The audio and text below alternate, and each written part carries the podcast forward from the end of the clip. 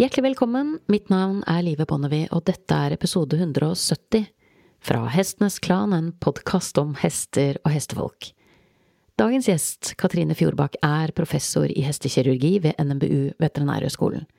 Hun har tidligere gjestet podkasten for å snakke om myter knyttet til sårbehandling, som med veldig god grunn er en av podkastens mest nedlastede episoder gjennom tidene. Og vi har også snakket om løse beinbiter. Men i dag så tar vi opp tråden fra forrige mandag for å snakke mer om hudsvulster. Og denne gangen skal vi snakke om det som jeg syns det er fristende å kalle den slemme storebroren til de ekvine sarkoidene, nemlig melanomene. Hva trenger vi å vite om dem, hva gjør vi med dem, og hva er viktig å følge med på? Kort sagt en episode som kan komme til å redde livet til hesten din.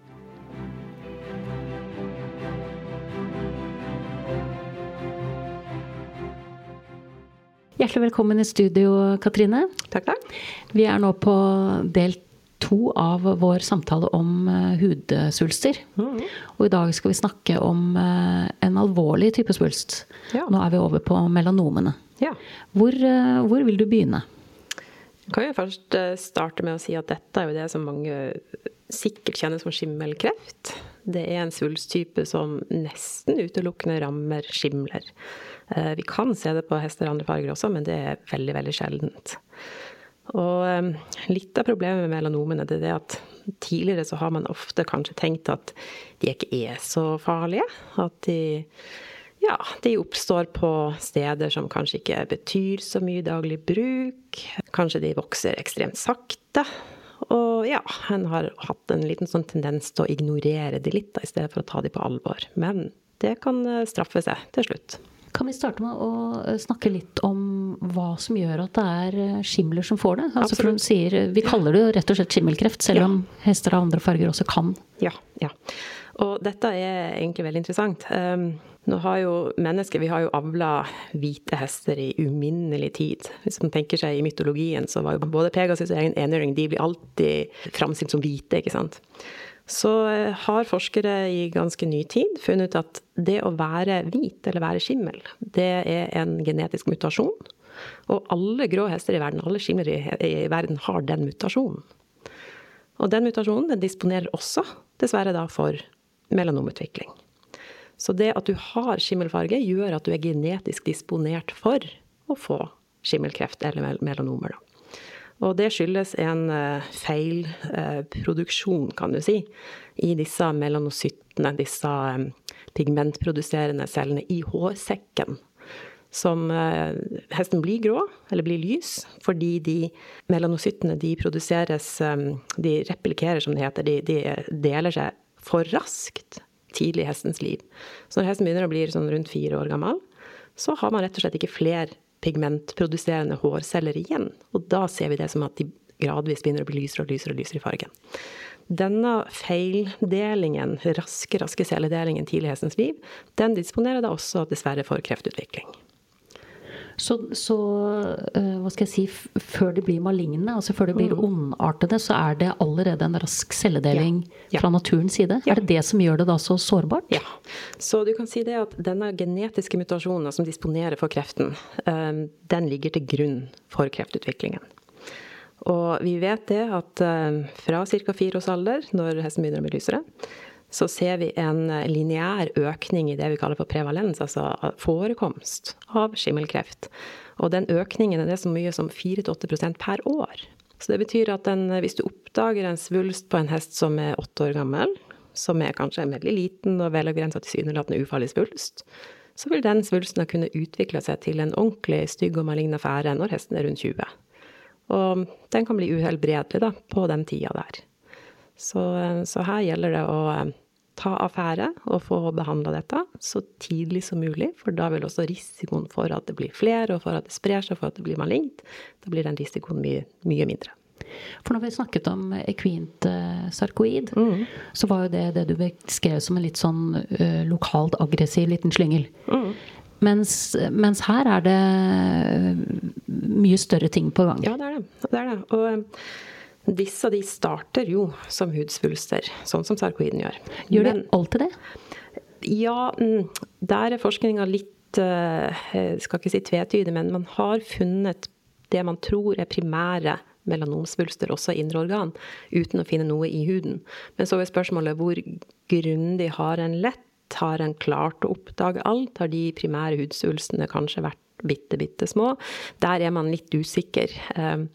Men si at 99 da starter i huden. Det, det er i hvert fall så mye som det.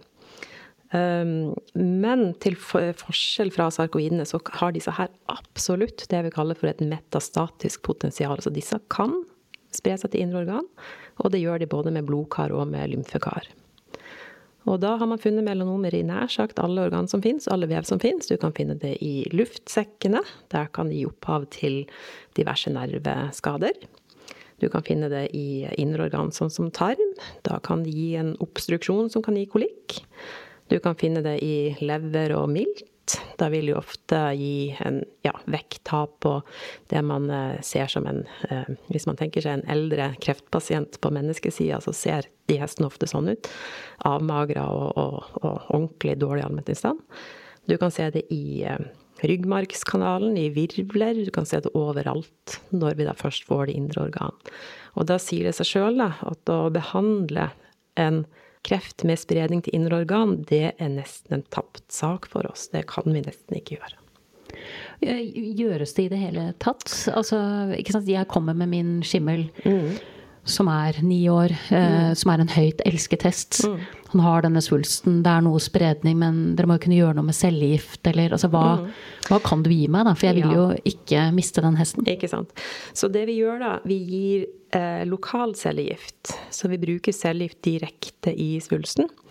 Å bruke cellegift systemisk, altså i blodet, sånn som man gjør på mennesker og på hund f.eks., det for det første blir ekstremt dyrt, og for det andre så har vi ingen gode protokoller på det på hest, så det er ikke en utvikla behandling. Så hvis du først har spredd seg til indre organ, så er vi litt eh, da er vi litt kjørt, altså. Så det vi gjør da, hvis vi har en pasient som har eh, potensielt mange gode år foran seg, det å behandle de svulstene vi kommer til, altså de som sitter i huden og, og, og i, ja, utvendig på hesten. Og i enkelte ganger så får vi også en viss respons på de spredte svulstene inne i kroppen også, ved den lokale cellegiften som vi bruker direkte i de svulstene vi kan sprøyte. Blir det som en slags morsvulst da, som ligger i huden? Ja, og der eh, både ja og nei, fordi du kan ha én primærsvulst som eh, oppfører seg på det viset der, men disse hestene vil gjerne ha flere. Og da er det vanskelig å vite hvilken av svulstene det er som sitter og, og sprer, sprer, ondskapen videre, kan du si. Så, så det, det, vet vi ikke nødvendigvis hver gang. Eh, så da er det viktig at vi rett og slett behandler, behandler alle. Mm.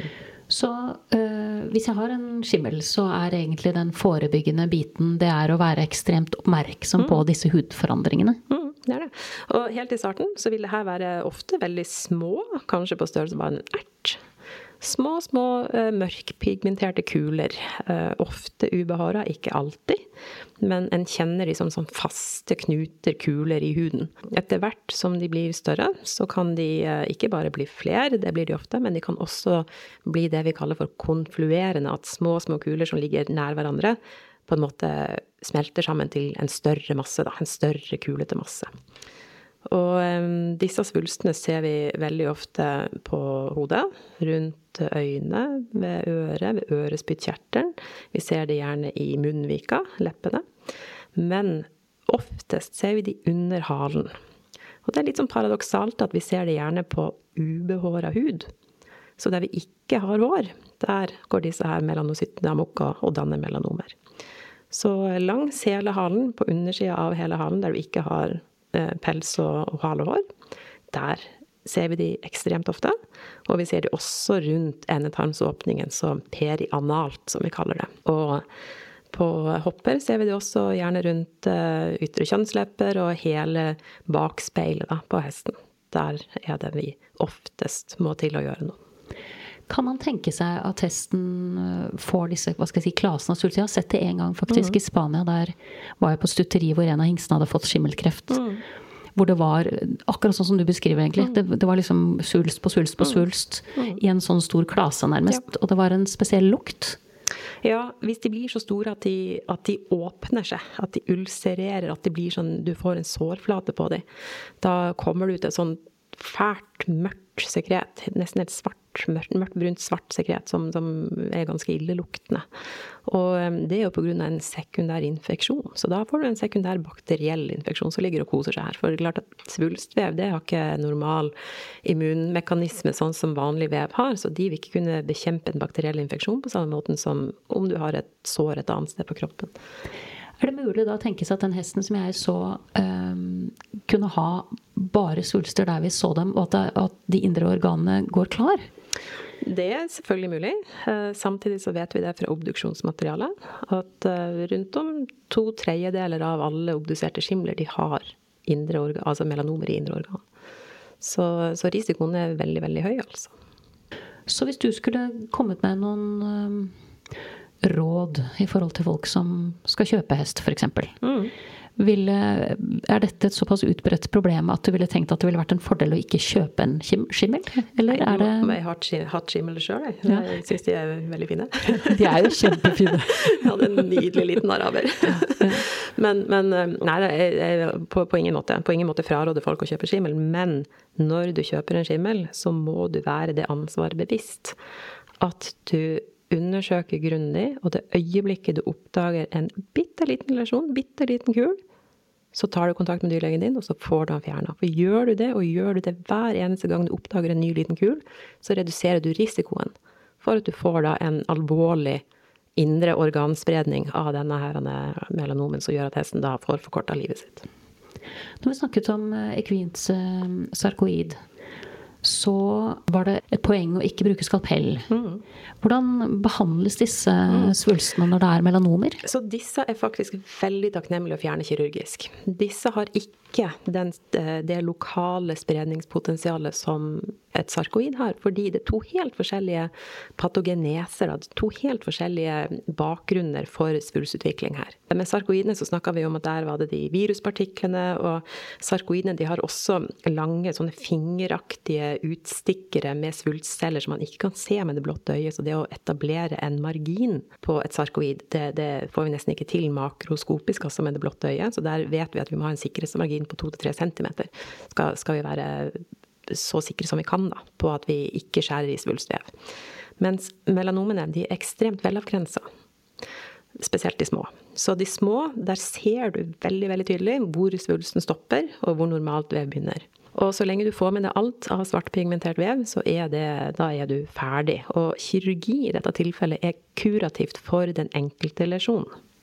Nettopp. Så, ja. så, når du har fjernet en svart flekk, så er den ferdig for godt? Mm.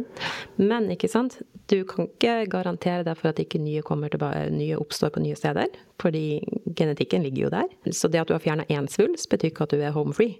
Da må du bare fortsette å, å overvåke til du ser den neste svulsten som dukker opp. Da kan du fjerne den, og sånn fortsetter du. Og hvis du gjør det grundig, så sparer du altså en eh, Da kan du spare hesten din for en lang lidelse når den blir god og gammel. Og eh, når det gjelder Altså dette er jo, eh, det er jo en genetisk mutasjon. Mm. I genetikken så er det jo sånn at ting kan slås litt av og på. Altså mm. vet vi noe om ting som vi kan gjøre for å minske sjansen for at det slås på? Nei, det vi vet da, er at de som har dette grå genet i, i en dobbeltkombinasjon Alle gener har vi jo i to varianter, en fra mor og en fra far. Og de som er det vi kaller for homozygote for grågenet, de har større risiko. De har altså grå fra begge foreldre. De har større risiko for melanomer, og melanomene deres blir mer aggressive enn de som har grå fra, fra, mor, men ikke fra far, eller motsatt. Så de som er heterozygote, de som har to forskjellige genkombinasjoner her, de er altså litt mer eh, beskytta, kan du si, enn de som har en, en såkalt homozygot variant der begge eh, gen, genene er like. Og så vet vi også at det er forskjell på grunnfargen. Alle skimler har jo en grunnfarge. Om den er svart, om den er brun eller om den er rød. Og der vet vi at det er minst risiko for melanomer og aggressive melanomer hos de som har en rød grunnfarge. Eh, så kommer brun, og de som har størst risiko, det er de som har en svart grunnfarge. Og dette kjenner vi jo, ikke sant. Lipisanere, f.eks. vet vi jo har en veldig, veldig høy forekomst av skimmelkreft. Og de er jo nesten utelukkende svarte i utgangspunktet, har denne svarte grunnfargen. Men i forhold til avl øh, Vi snakket jo også om i forhold til dette med øh, løse benbiter. ikke sant? Mm. At man rønker mm. på forhånd for å vite at man er liksom bevissthet rundt mm. svakheter ved rasen. Mm. Er dette oversikt over disse ulike genetiske kombinasjonene noe som avlere legger vekt på? Nei, i grunnen ikke. Og til og med på lipisaner, som er en rase som har veldig veldig, veldig høy forekomst av dette her, fordi de er jo nesten utelukkende skimle, ikke sant. Så, så, har man ikke funnet det man kaller for arvbarhet eh, på mer enn jeg lurer på om det var rundt 36 Så, så um, uh, det er ingenting som er med i avlsplaner, så vidt jeg vet. da på til og med raser sånn som lipisaner, der dette her er høyt, høyt forekommende. Nå føler jeg at jeg har fått et helt annet bilde av eh, melanomer enn jeg hadde da vi satte oss ned og begynte denne samtalen. Er det noe mer du føler at vi bør ha lagt til før vi går over på, på hudsvulst nummer tre? Nei, jeg tror vi har sagt det meste nå. Så det viktigste budskapet her nå, det er rett og slett det å, å håndtere disse svulstene så fort de oppstår. For da eh, minimerer man risiko for problemer på sikt, altså. Så forebyggende behandling her også. Ta, ta Fjern svulstene så fort de oppdages. Hvis jeg nå hører på og har en ni år gammel skimmel på stallen som har uh, hatt en del, og jeg har slått meg til ro med at dette ikke er noe stort problem, nå får jeg panikk. Mm. Ta kontakt med veterinæren din. og start der. Ja, start der. Mm. Så har vi hudsvulst nummer tre. Ja platecellekarsinom. Ja. Mm. Der er jeg helt blank. Ja. Den, eh, det er en svulsttype som vi ser på nær sagt alle arter. Um, så den, eh, når det gjelder hest, så ser vi den stort sett rundt øynene. I øyet kan vi se den. Eh, vi kan se den eh, Som i liksom øyekroken, på en måte? Ja. Hest har jo noe vi kaller for tredje øyelokk. Ofte sitter den der. Tredje øyelokk kalles også for blinkhinna. Og man ser den som en sånn nesten kjøttklump som ligger inni, inni øyekrokene. Og den er utsatt for platecellekarsinom. Men denne svulsten kan faktisk også oppstå på selve kornea, altså hornhinna og sklera, den hvite hinna som ligger ved siden av hornhinna. Så hvis du ser en utvekst, gjerne sånn rosa, litt sånn kjøttaktig utseende, som ligger på øyet, um, bort forbi det brune, hvis hesten din har brune øyne, da, som ligger akkurat på kanten av det hvite, så er det ofte et platecellekarsinom. Mm. Men der vi ser det vanligst, det er på ytre kjønnsorganer, spesielt på penis og, og forhud hos uh, vallaker og hingster. Fortoner det, fortoner det seg der også som noe rødt og lite? Ja, i starten gjør de gjerne det. Så eh, disse her de er også litt forskjellig utseende, avhengig av hvor aggressive de er og hvor raskt de vokser og sånt noe. Men ofte starter de som en sånn eh, liten blomkålaktig utvekst som gjerne er rosa på overflaten. Eh, den kan etter hvert ulcerere, altså åpne seg opp og bli sånn sår, sårdannelse på overflaten. Men ofte kan de jo bli ganske store før det skjer. Så hvis en ser utvekster, spesielt på, på penis og forhud, på en eh, gjerne litt eldre vallakt, ofte de vi oppdager det på, da skal, en, eh, da skal varsellampene blinke for platecellekarsinom. Når du sier blomkålaktig, så foregår det meg også at dette er ikke noe man forveksler med så mye annet. Det er en ganske Nei. spesiell utvekst sånn sett. Ja, ja. Um, før de når et, eh, et sånt stadie at de virkelig uh, ser ut som en, som en, blomkål, så kan de være litt mer sånn ruglete, at du ser at huden blir litt um, frodigere, for å bruke det ordet. At det ikke er en ordentlig utvekst ennå. Uh, så det, det, er forstadiet. Og også ofte der vil vi gjerne komme til med behandling tidlig, da, før dette utarter seg til noe stort. Er dette noe som blir malignt også? Altså, mm, mm. Så den kan gå på indre organer? Og... Ja, disse her kan definitivt spre seg. Og der vet vi jo at de sprer seg i relativt uh, stor grad. Rundt 18-20% har spredning da, som går hovedsakelig til lymfeknuter da, når vi, når vi, hvis vi har primærspulsten på penis, f.eks. Så, uh, så vil vi gjerne ta biopsi av lymfeknutene for å sjekke etter spredning der. Og de kan selvfølgelig spre seg fra lymfeknuter og til indre organ, til lunge, til skjelettet Litt sånn som eh, en kjenner fra humanmedisin. Du har snakket om eh, eh, kanskje særlig sarkoid som trenger denne plassen rundt. Mm. Og du nå beskriver på penis mm. og rundt øyet. Mm. Så kjenner jeg at her har vi ikke så mye plass å gå på. Nei, vi har ikke det. Så hvordan, hvordan håndterer dere disse svulstene da? Ja, eh, det blir litt samme behandlingsstrategi, i hvert fall eh, hvis vi snakker om de rundt øyet. Da. Hvis vi snakker om et platecellkarsinom på huden rundt øyet, altså periokulært på øyelokk og sånt, så blir det Litt det samme som sarkoider. Vi prøver å krympe svulsten så mye vi kan med cellegift, før vi da eventuelt kan fjerne resten kirurgisk. Men da må vi ofte bruke rekonstruksjonsteknikker for å beholde øyelokksfunksjonen, hvis spesielt øvre øyelokk er applisert. Når hesten blunker, så bruker den jo hovedsakelig øvre øyelokk. Det er en veldig lite bevegelse i nedre. Så hvis det øvre øyelokket blir stivt eller blir for lite, så får vi da kjempeproblem med å beskytte øyet og, og våte øyet med tårefilm framover. Så, så øvre øyelokk er vi veldig påpasselige med at hvis vi gjør kirurgi der, så må vi passe på at funksjonen blir opprettholdt etter at uh, operasjonsområdet er avhela, da kan du si. Så da blir det snakk om rekonstruksjonsteknikker. Uh, hvis vi har et platecellekarsinom på penis, så eh, vil vi veldig ofte velge å fjerne det. Eh, som regel så ender vi da altså opp med det vi kaller for en nedre penisamputasjon.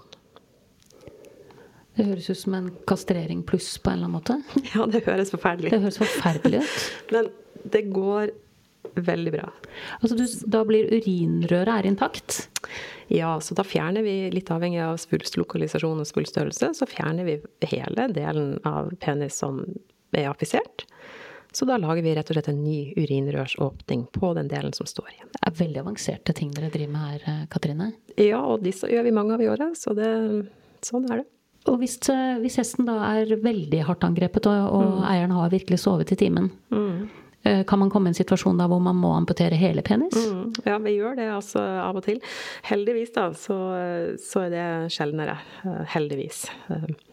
Og det vi gjør da, det er å fjerne hele penis, og ofte må vi ta med hele forhuden òg, for den er ofte medinndratt. Og da må vi lage en ny urinrørsåpning ut bak under endetarmsåpningen. Ikke sant? På hannhester så går jo hele penis med urinrør og alt går jo bak, eh, rundt bekkenbunnen, før den svinger ned under magen ikke sant? og ender opp der den ender opp. Så vi har tilgang til urinrøret under endetarmsåpningen. Eh, der som, eh, som eh, kjønnsveien til en hoppe ville vært. ikke sant?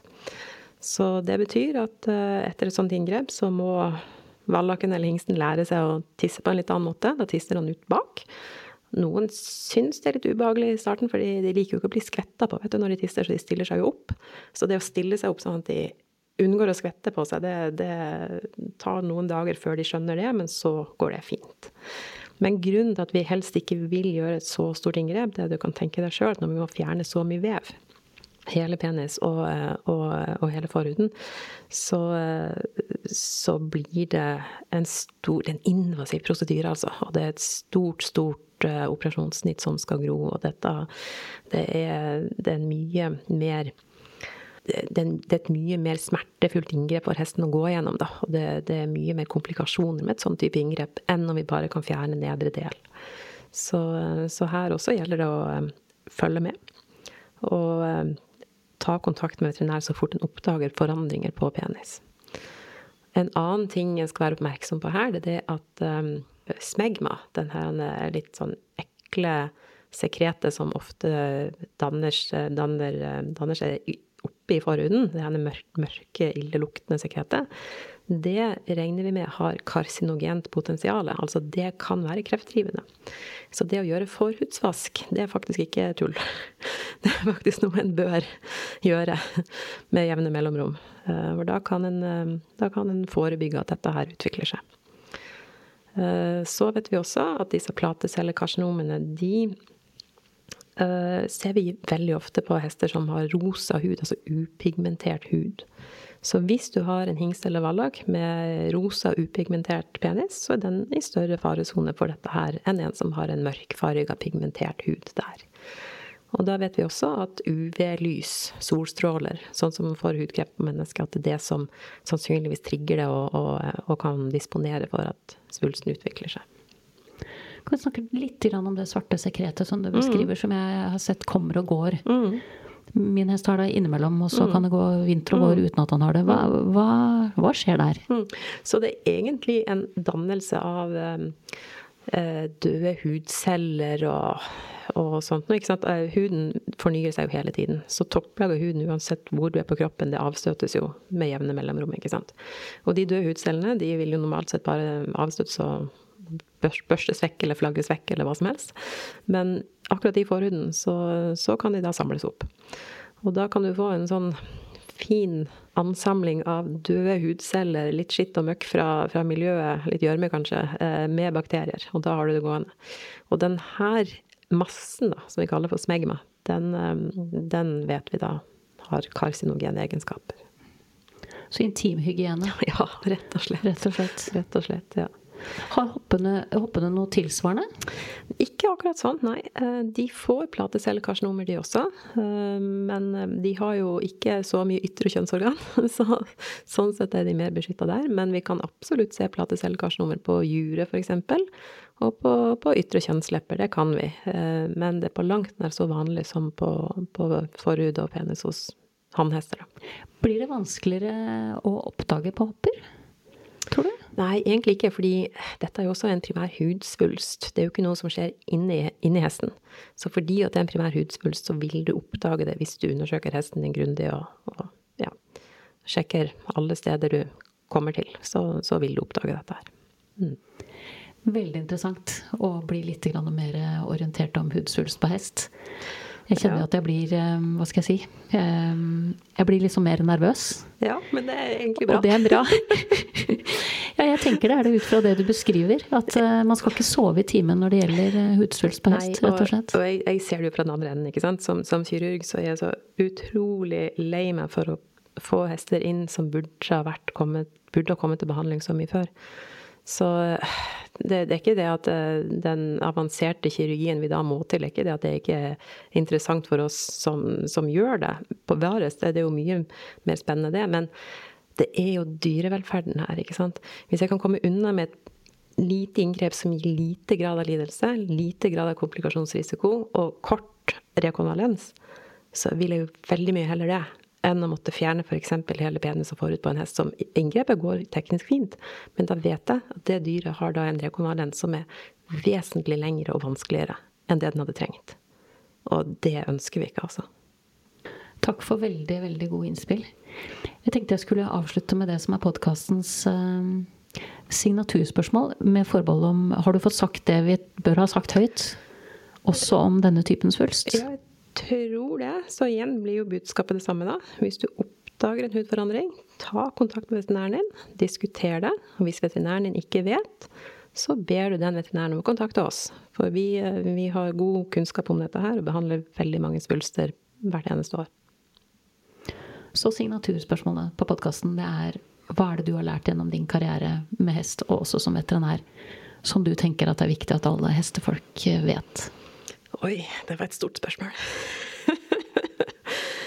um, jeg tror alle som har en hest og kjenner hesten sin godt, når man oppdager en personlighetsforandring etter, Du har en magefølelse på et eller annet, noe, noe et eller annet som ikke stemmer.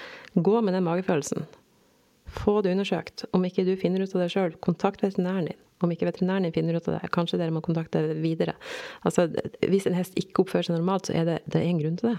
Så det, ja, det er kanskje mitt um, Når jeg jobber som veterinær med hest i ja, hva blir det, noen og tjue år, så ja, det er ofte det som, er, som går igjen, altså. Mm. Tusen hjertelig takk for praten, Katrine. Bare hyggelig. Du har nettopp hørt episode 170 fra Hestenes Klan, en podkast om hester og hestefolk. I neste ukes episode så skal du få møte en profil som jeg lenge har vært nysgjerrig på, og det vokste, som det så veldig ofte gjør på denne podkasten, en svært interessant prat ut av det møtet. Så det er bare å glede seg. Viktig om dagens episode dersom du kjenner noen som du tenker burde høre denne episoden, så håper jeg du tar deg tid til å dele den. Som jeg sa innledningsvis, dette er en episode som ikke bare er egnet til å styrke hesters velferd, men som i ytterste konsekvens kan redde liv. Da gjenstår det bare for meg å takke min faste komponist Fredrik Baum, designeren av podkastens visuelle profil, Ove Hals, min lyddesigner Stig Holte, og sist, men ikke minst, vil jeg som alltid takke deg, kjære lytter, for tålmodigheten. Måtte hesten for alltid være med deg.